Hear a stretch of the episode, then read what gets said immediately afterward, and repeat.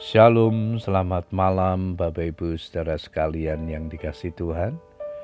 Kita bersyukur kepada Tuhan malam hari ini kembali kita berkesempatan untuk datang kepada Tuhan, menaikkan ucapan syukur dan doa-doa kita. Malam hari ini sebelum berdoa saya akan mengajak kita merenungkan firman Tuhan yang malam ini diberikan tema pengakuan dosa. Ayat mas kita di dalam Mazmur 32 ayat yang ketiga, firman Tuhan berkata demikian, Selama aku berdiam diri, tulang-tulangku menjadi letih lesu karena aku mengeluh sepanjang hari. Bapak Ibu Saudara sekalian, tidak ada penderitaan yang batin yang terberat dalam diri manusia selain ketika ia menyembunyikan kesalahan atau pelanggarannya dari hadapan Tuhan. Tiada depresi yang lebih menekan daripada sakitnya rasa menyembunyikan dosa. Makan apa pun terasa tidak enak, tidur pun tiada nyenyak. Tiada ketenangan di dalamnya karena terus dikejar perasaan bersalah atau bayangan dosanya. Tak ada obat yang dapat menyembunyikan selain dirinya sendiri yang membereskannya, yaitu mau mengakuinya di hadapan Tuhan.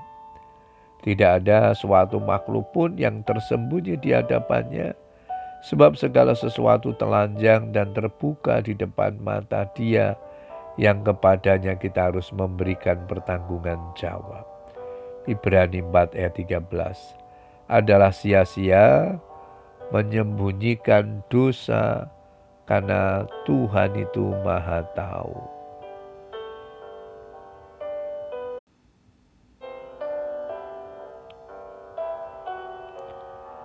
Daud begitu tertekan siang dan malam karena pelanggaran-pelanggaran yang dilakukannya. Tulang-tulangnya menjadi lesu karena dihantui rasa bersalah.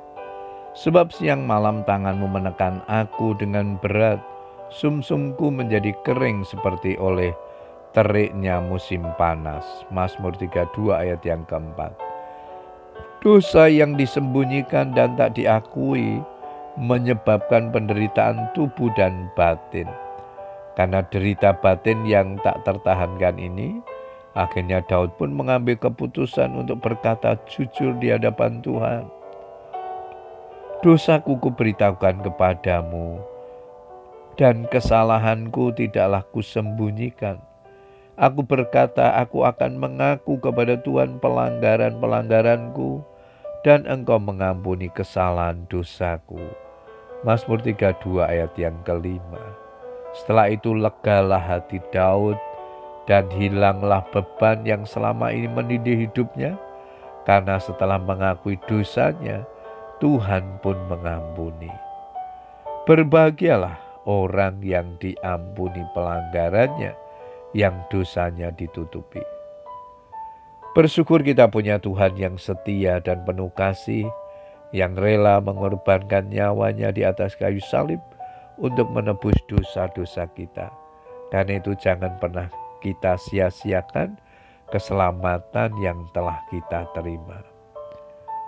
Yesaya 1 ayat 18 mengatakan sekalipun dosamu merah seperti kirmisi akan menjadi putih seperti salju, sekalipun berwarna merah seperti kain kesumba akan menjadi putih seperti bulu domba.